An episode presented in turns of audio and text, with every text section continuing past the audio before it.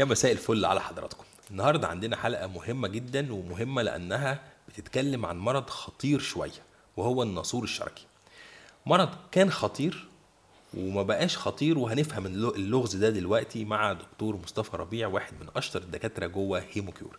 دكتور مصطفى منور الدنيا كلها. أهلا وسهلا بك يا دكتور محمد. عايزين نتكلم عن الناسور الشرجي وهل هو فعلا خطير؟ واللغز اللي هو خطير ومش خطير ده نفهمه إزاي سوا يعني؟ آه، بداية في في الموضوع إن الناسور الشرجي دوت عبارة عن نفق آه، موجود حصل نتيجة اتصال ما بين القناة الشرجيه وعمل فتحة حوالين ال- على فتحة الجلد الشرج. على الجلد من بره. حصلت نتيجة بداية القصة دايما بتبقى خراج. خراج حصل في المكان فبدأ يكون التراك أو النفق ده. آه، الموضوع على حسب القصة هل هو بسيط ولا متشعب.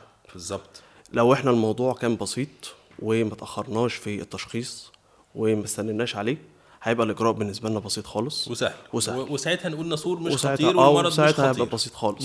لو إحنا استنينا عليه والموضوع حصل فيه مضاعفات وبدأ يحصل تشعبات آه ساعتها بيبقى الموضوع آه بياخد أخطر. شوية آه بياخد شوية وقت لحد ما نوصل لل العلاج المناسب للحالة. طب أخطر ليه؟ يعني الخطورة جاية فين؟ ما هو في الآخر مرض زي أي مرض يعني إيه النتيجة- الخطورة جاية منين؟ نتيجة الش- التشعبات اللي بتحصل طبعا لأن هو بيبدأ يخترق ال- العضلات ويبدأ يوصل ممكن يوصل من التشعبات ديت إن هو يوصل للمستقيم.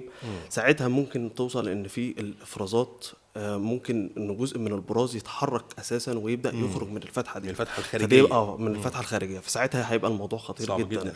لأن ساعتها البراز هو اللي خرج مش مجرد. إفرازات بس. فديت يبقى خطورة الموضوع إن هو التشعبات اللي بتحصل نتيجة ال- إن طيب. إحنا في ال- في طب. طب إزاي المريض يعرف؟ يعني يعني هو خلاص هو في الآخر المريض عنده فتحة بجوار فتحة الشرج بتنزل إفرازات. تمام.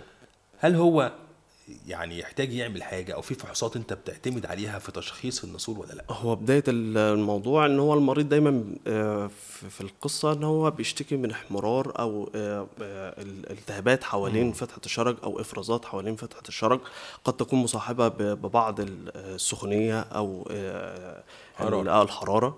والموضوع بقى إن هو برضو ممكن يحتاج إن إحنا نعمل ساعتها رنين مغناطيسي أو نعمل آه، أشعة سونار حوالين فتحة الشرج بحيث إنها تبين لنا آه، إذا كان في آه، تشعبات ولا لا؟ تشعبات ولا لا. والرنين هيبين لنا إذا كان في تشعبات الرنين طبعا بيبين آه. بيبين ال extension بتاع الناسور وبيبين اللي هو عمق الناسور والعضلات المخترقة ف- فده بيدينا صورة كاملة عن اتجاه الناسور والإجراء المناسب لنا كتدخل فيه وفي ناس بتخاف من الرنين يعني اللي هم خصوصا الجماعة اللي عندهم ال claustrophobia بالعكس الرنين يعتبر هو أدق أدق تشخيص لل هو بقى مش فاهم. هو هو مش مهم الرنين طبعا من الحاجات. اللي هي لا الرنين طبعا من الحاجات جوه الم- البتاعة دي آه، وبخاف. لا الرنين دايما من الحاجات اللي هي بت- بت- بتوصل لنا صورة كاملة عن عن الناسور فمهم. الشبكة، فمهم جدا طبعا وإذا ما كانتش الرنين متاح يعني ساعات بيبقى في ناس مركبة الحاجات ال metals ومش عارف إيه وحاطط آه، شرايح ومسامير نكتفي ساعتها بالسونار سونار حوالين فتحة الشرج وحتى إحنا برضو بالنسبة لنا في الهيموكيور متاح إن إحنا نعمل الإجراء طبعا ال VAAFT إن هو بيورينا طبعا التشعبات بتاع الناسور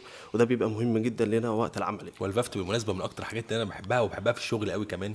طبعا لأن هي يمكن الناس ما بتبقاش عندها معلومات كتيرة عنه. لكن هو الكاميرا اللي بندخلها جوه ال track فبتورينا كل بيورينا التشعبات طبعا. بتاعة الناسور وبالتالي بنقدر نتع... نتعامل مع كل التشعب اللي موجود اللي سببه الناسور وبالتالي ما بنسيبش أي حاجة آه كتشعبات ونقدر نتخلص من المرض ده. وبتقدر تدخل بال VAAFT وتشوف كل طبعا حاجة. طبعا طبعا. وهل ال VAAFT ده بإجراء بياخد وقت يعني ولا؟ لا الإجراء كله بسيط بالنسبة لنا كل ده خلال 10 دقائق أو ربع ساعة في ال في ال العمليات بيبقى الموضوع بسيط خالص وبنقدر نتخلص من المرض الخطير ده. طيب نرجع بقى تاني لحتة الخطورة. هل هو إذا عملنا إحنا قلنا إن إنه مرض بيعدي جوه العضلات. تمام. هل إذا عملنا العملية دي باستخدام الليزر أو باستخدام الفافت أو باستخدام كل التكنولوجيا دي هل هل ما زال في خطورة على العضلات؟ لا طبعا. الموضوع طبعا باختلاف ال- الجراحات التقليدية لأن الجراحة التقليدية كان لازما إن إحنا آه، نقطع جزء من العضلة عشان نوصل للمكان بتاع الناسور وبالتالي ده كان بيعمل ضعف في العضلات وبيعمل سلس في البراز وعدم التحكم. الموضوع بالنسبة للليزر لا الموضوع مختلف خالص لأن إحنا بنحافظ على العضلات من غير ما إحنا نأثر عليها وبالتالي بيكون الإجراء بسيط جدا وسهل جدا. آه، طبعا من الحاجات اللي هي ال quality of life بالنسبة لل patient إن هو المريض هيخلص العملية وهيقدر يتحرك بعد العملية على طول. كلها بالظبط آه، نص ساعة أو ساعة بعد العملية يقدر يتحرك ويمارس حياته الطبيعية. وخلاص بعكس طبعا آه. الجراحة الجراحة بيبقى الموضوع صعب جدا والمريض طبعاً، طبعاً. بيعاني من الام آه، صعبة أو عنيفة بعد العملية. صحيح. ونسب النجاح مرضية؟ آه، نسب النجاح كويسة جدا بالنسبة لنا يعني بالنسبة لموضوع الحالات اللي هي ال simple أو البسيطة أو اللي إحنا ما تاخرناش في التشخيص بتاعها. ده بيبقى نسبة نجاح كويسة جدا توصل تصل آه، م- 100% صحيح. إنما الحالات اللي هي بيحصل فيها تشعبات وكده بيبقى الموضوع طبعا آه، بياخد شوية وقت معانا. آه، ممكن إن إحنا طبعا نسبة النجاح فيه بتبقى 80% و20% قابل إن هو يخش مرحلة تانية. وده accepted بالنسبة لنا بالنسبة للموضوع أعتقد هو كمان accepted للمريض. هو يعني هو ما مرش بتجربة صعبة فلما بنقول له إنك محتاج second session أو حاجة ما بتبقاش يعني موضوع آه، بيبقى مقبول بالنسبة للمريض لأن هو آه، عارف قدر الخطورة بتاع المرض اللي هو مر بيه. طيب. آه، طبعا أنت أنا متأكد إنك في عيادتك في جوه Hemocure بتشوف يعني أمراض كتيرة بتشوف مرضى عندهم شرخ وبواسير و وحتى مرضى عندهم أورام في المستقيم والسرطانات وكل حاجة. لكن تحط الناسور فين في وسط الحاجات دي؟ من حيث ال- الخطورة يعني. هو دايما ال- الخطورة دايما في الناسور إن هو آه، ال- الناسور المتشعب بالذات لأن هو ده بداية إن هو ممكن يدينا تشخيص للأورام.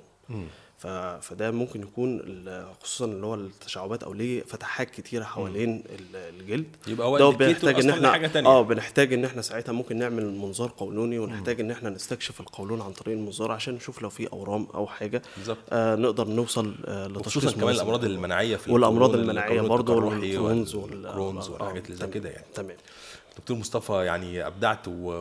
والحقيقة اسعدتنا جدا النهارده. يمكن أول مرة النهارده أنت بتبقى معانا على ال... على شاشه كيور يعني فالحقيقة شرفتنا ونورتنا. ربنا يخليك. ووعدنا. إن أنت تدينا وقت يعني. نتقابل تاني إن شاء الله إن يعني شاء الله دكتور شكرا دكتور مصطفى. شكرا شكرا جزيلا. شكرا جزيلا لحضراتكم.